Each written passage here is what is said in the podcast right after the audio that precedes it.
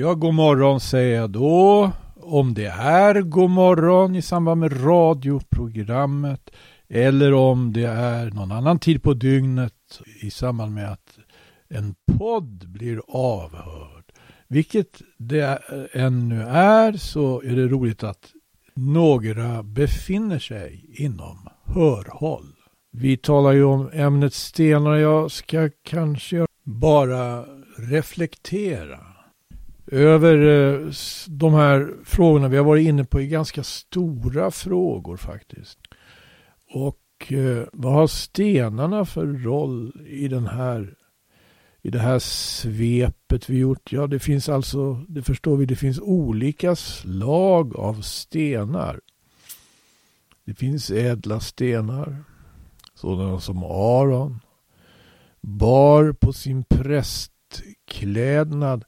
Det finns vanliga stenar, inte alls särskilt ädla som eh, de som blev uppretade när Stefanus talade tog upp från marken och kastade mot honom.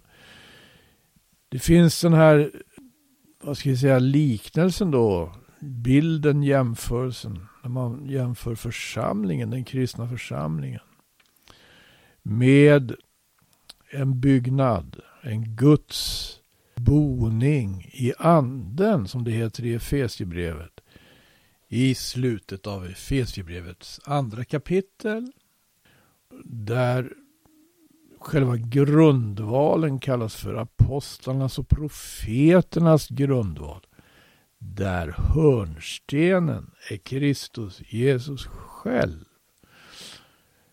Men det här med hörnstenen, det var ju det som judarna inte såg. Jag säger judarna nu generellt och kategoriskt med Johannes. För Johannes skriver generellt att judarna vände sig mot Jesus. Medan andra evangelister eh, talar mer, eh, mer bestämt om skriftlärde bland judarna, skriftlärde och fariseer. Eller överste präster och äldste när det kom till de stora bataljerna i avslutningen av Jesu verksamhet i själva Jerusalem. Jesus uppträdde, står det i Galaterbrevet, i tidens fullbordan. När tiden var fullbordad sände Gud sin son, född av kvinna och ställd under lagen.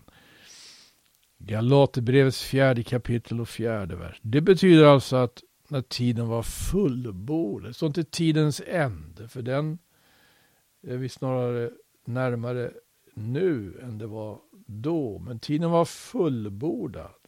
Det har alltså gått en hel del tid. Under den tid som hade gått innan Jesus kom framträdde ju profeten, om vi ser till Israel nu då, konungarna. Det vi läser i Gamla Testamentet, det är ju oerhört eh, med dessa gestalter. Och det både onda och goda som beskrivs. Och det, tal det talas i Bibeln om tyranner. Det talas också om saktmodiga människor. Vi har Daniels bok och vi har profeten Jeremias bok och vi har konungaböckerna där det berättas om hur judarna på grund av sitt avfall, att de vänt sig bort ifrån sin skapare, från sin Gud, han som hade fört dem ut ur Egyptens land och fört dem till berget Sinai och givit dem sådana lagar som var rättfärdiga och heliga. Så att eh, Mose kan säga när han talar till folket i femte Mosebok.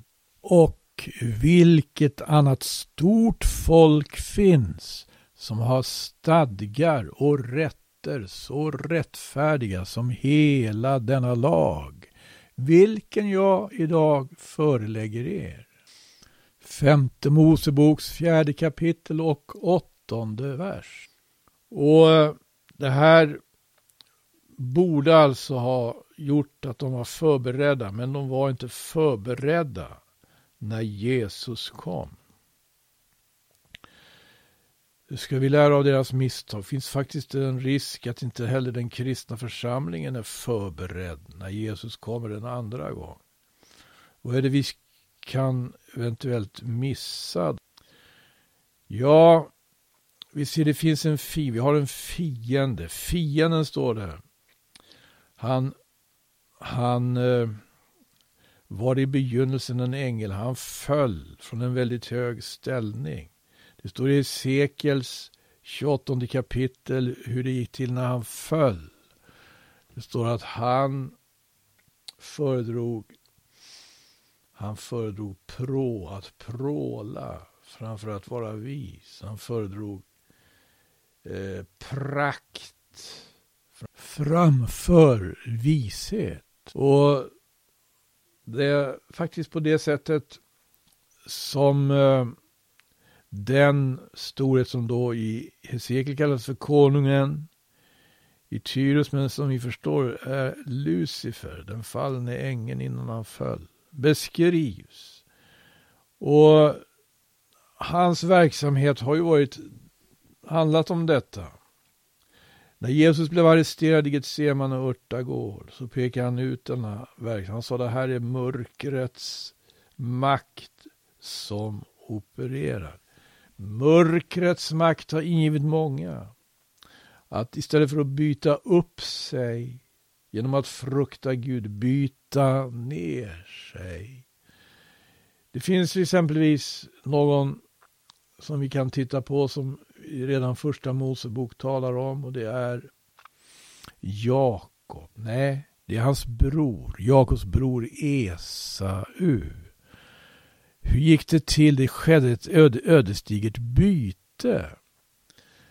Eh, då en gång, det heter så här i första Moseboks 25 kapitel, verserna 29 till 34. En gång då Jakob höll på att koka något till soppa kom Esau hem från marken uppgiven av hunger. Och Esau sa till Jakob Låt mig få till livs av det röda, det röda du har där, ty jag är uppgiven av hunger.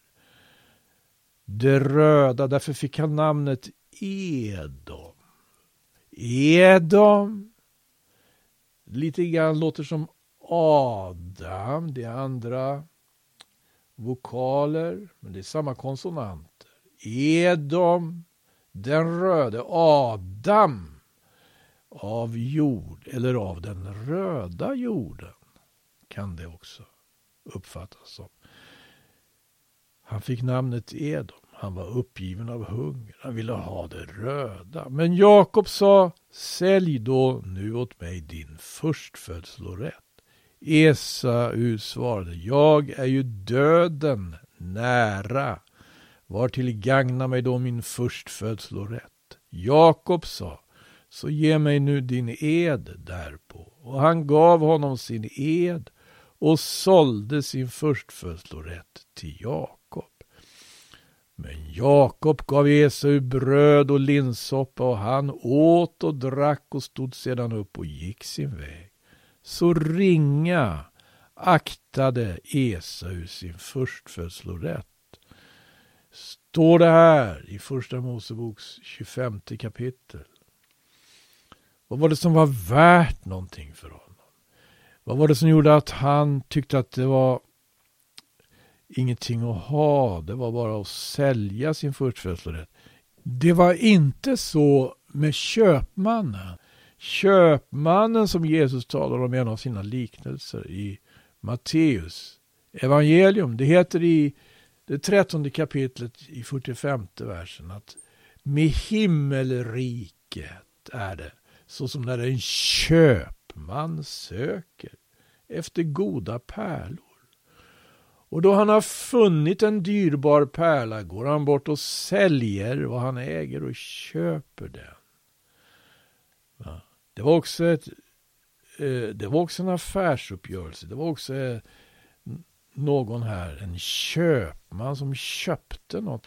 Nu var det så att han sökte efter goda pärlor. Han fann inte bara en god pärla, han fann en dyrbar pärla. Och han gick bort och sålde allt. Vad, Han sålde vad han ägde och köpte det. Det här, är en, det här är en annan ordning och det här är andra värden och det är en annan form av överenskommelse, affärsöverenskommelsen den Esau gjorde med Jakob. Därför det, det får vi ju veta när Esau har sålt sin förstfödslorätt så, så får vi den bedömningen av skriften att det var ett sätt att ringakta sin förstfödslorätt. I köpmannen då?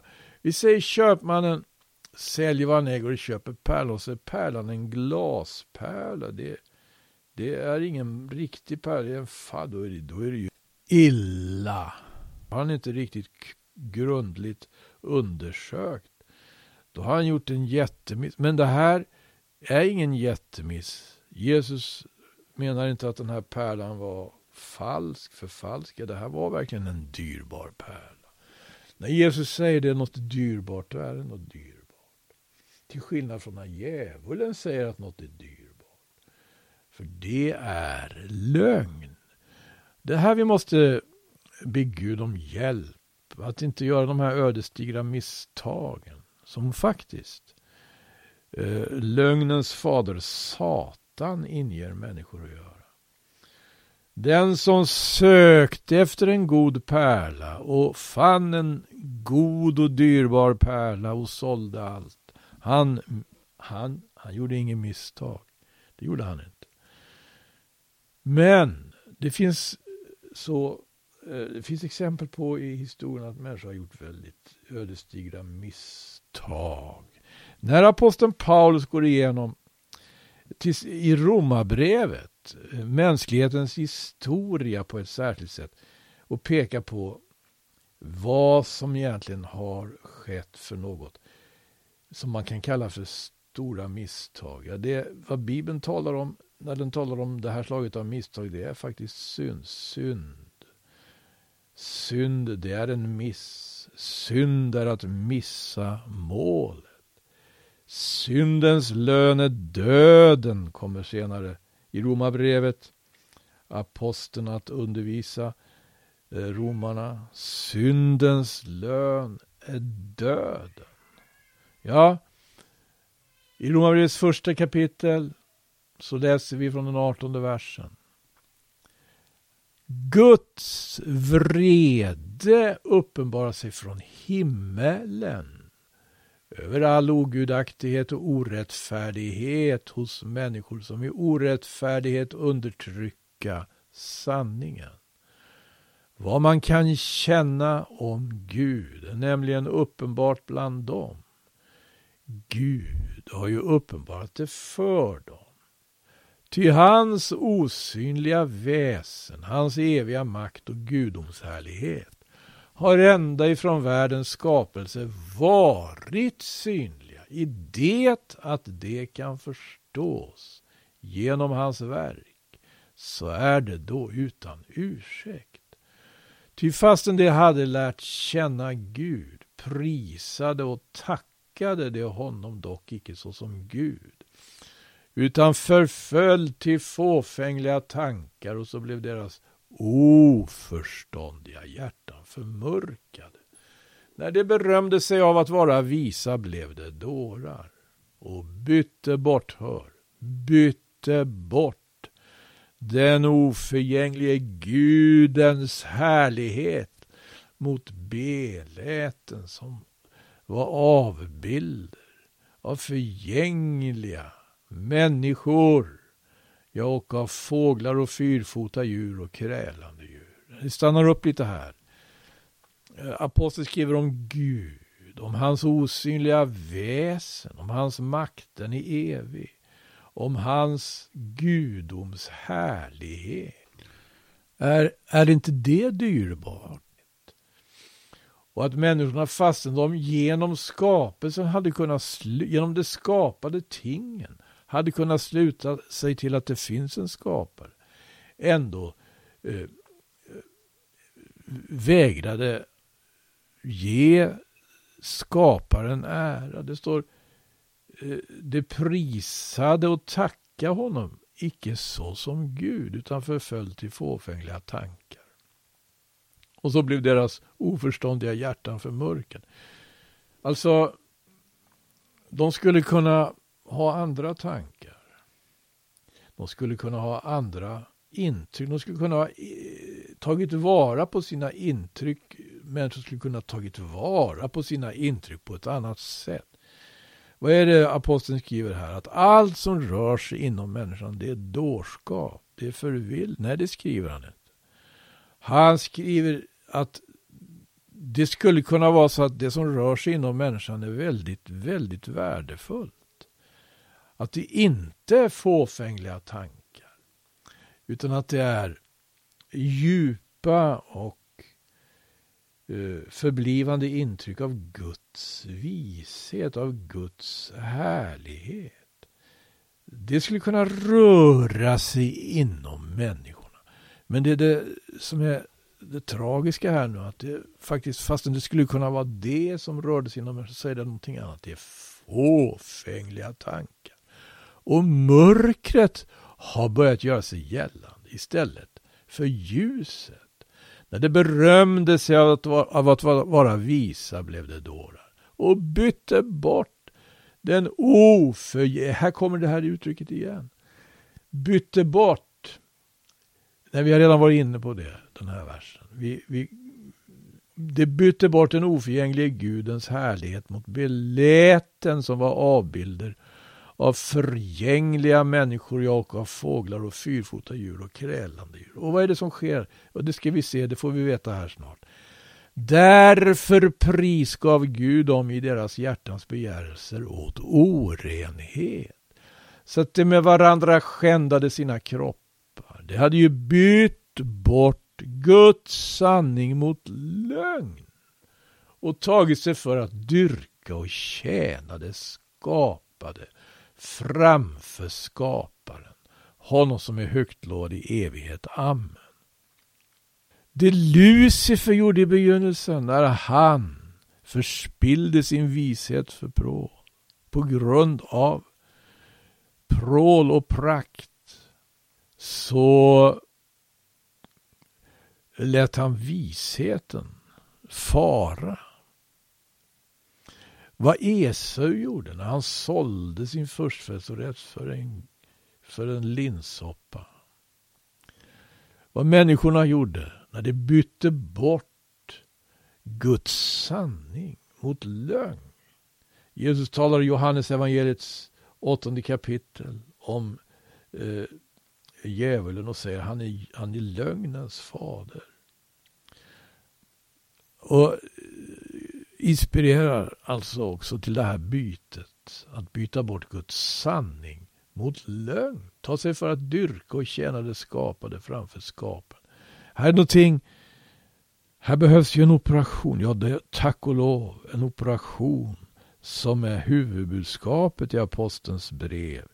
Den operation som enligt ett, nästa kapitel blir, handlar om det hjärtats omskärelse. Människan måste omskäras i hjärtat få en ny ande. Ja, detta står det om i Romarbrevets andra kapitel, de två sista verserna där. Och fyllas inte av fåfängliga tankar, utan just av sådana djupa och förblivande och dyrbara intryck av sin Gud och skapare, som är frälsaren också i Jesus Kristus. Att det är någonting annat då det är någonting annat med människan. Någonting annat med människan. Med hela livet. För den skull gav Gud dem, fortsätter aposteln, för den skull gav Gud dem till pris. Åt skamliga lustar deras kvinnor utbytte. Det naturliga umgänget mot ett onaturligt. Sammalunda övergav och männen det naturliga umgänget med kvinnan och upptändes i lusta till varandra och bedrev styggelse man med man. Så fick de på sig själva uppbära sin villas tillbörliga lön. Det sa att kvinnor utbytte det, nat utbytte det naturliga. Här tidigare läste man om att byta bort Guds sanning mot lögn. Här handlar det om att byta bort det naturliga. Byta bort det naturliga. Kvinnorna bytte ut det naturliga umgänget mot ett onaturligt. Man drar snart slutsatsen här att det skulle vara ett lesbiskt förhållande som uppstod då. Jag tror inte det framförallt handlar om det här utan det handlar om just det som står om i, i första Moseboks sjätte kapitel att Guds söner gick in till människornas döttrar. Men det finns naturligtvis också med det här att det eh, man dras inte till det som är enligt naturen, det motsatta könet, utan till samma kön. Sammalunda övergav också männen det naturliga umgänget med kvinnan och upptändes i lusta till varann. Och gjorde alltså ett byte då. Man bytte något. Man bytte bort. Det här ställs i en och, ett och samma eh, perspektiv. Och det vet vi att det här är eh, känsliga frågor numera. Många människor, många människor är onekligen homosexuella. Det sker väldiga manifestationer. Men jag måste faktiskt eh, ställa den frågan också när de här manifestationerna sker och man menar att det handlar om mänskliga rättigheter, det handlar om friheten att välja, det handlar om väldigt mycket då. Eh, varför måste det här annonseras liksom under vinjetten Pride? Pride brukar det heta. Pride. Pride betyder faktiskt stolthet. Det kan översättas också högmod. Det är det ordet som används för att peka ut den ursprungliga jättemissen som faktiskt Lucifer gjorde. Som människorna gjorde när de inte ville lyssna till Gud.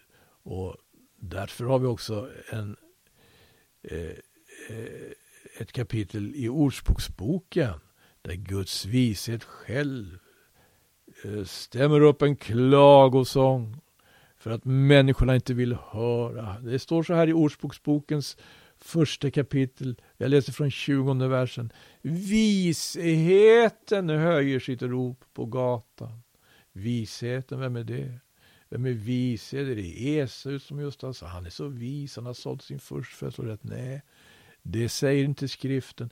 Är det människorna som har bytt bort Guds sanning mot lögn? Nej, det säger inte skriften. Är det de här som går och, och, och, och ropar om att de är så glada och fria för de har eh, upptäckt så att säga sin sexuella läggning? Eh, säger inte skriften heller. Visheten höjer sitt rop på gatan. På torgen låter hon, låter hon höra sin röst. Vad säger visheten då? Ja, i bullrande gathörn predikar hörni. Där portarna i staden öppnar sig, där talar hon sina, och hon kan predika, det kan komma en hel protestmarsch med idel Esau-själar som alla ropar och gapar att de har sålt sin förstfödslorätt och de är så glada för det för de har fått, de har fått pappa.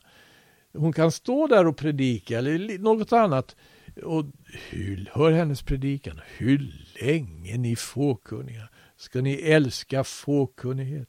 Hur länge ska bespottarna ha sin lust i bespottelse och dårarna hata kunskap?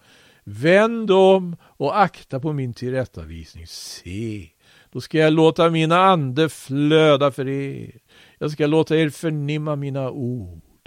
Eftersom ni inte ville höra när jag ropade, eftersom ingen aktade på när jag räckte ut min hand, eftersom ni lät allt mitt råd fara och inte ville veta av min tillrättavisning. Därför skall också jag le vid er ofärd och bespotta när det kommer som ni fruktar.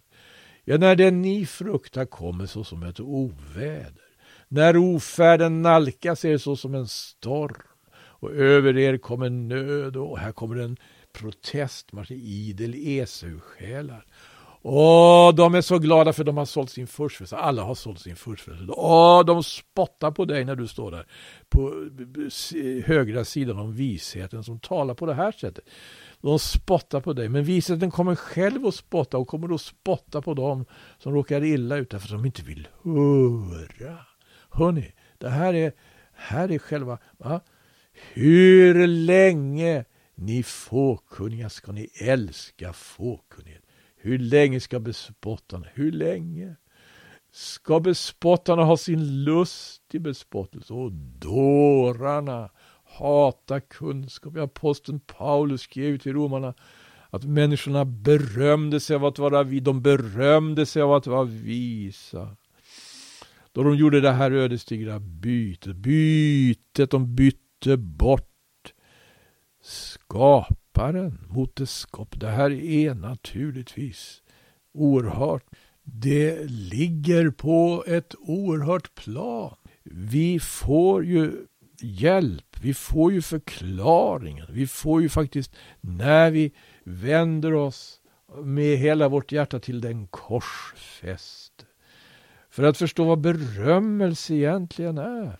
För att förstå vad vishet egentligen är. När vi vänder oss med hela vårt hjärta till den, kors, till den korsfäste Jesus som Gud har uppväckt från de döda. Halleluja. Han är, han är den.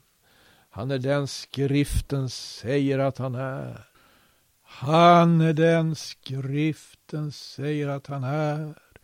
Och därför kan vi glatt instämma i första Korinthierbrevet då det heter så i första kapitlets trettionde vers. Men hans, Guds verk är det att ni är i Kristus Jesus som för oss har blivit till visdom från Gud, till rättfärdighet och helgelse och till förlossning. Det här skrev aposteln Paulus till korintierna som hade tagit emot Herren Jesus Kristus i tro efter att ha hört apostlarnas budskap. Käre vän, gör detsamma som dem. Missa inte honom. Oj, har jag tappat bort stenarna nu?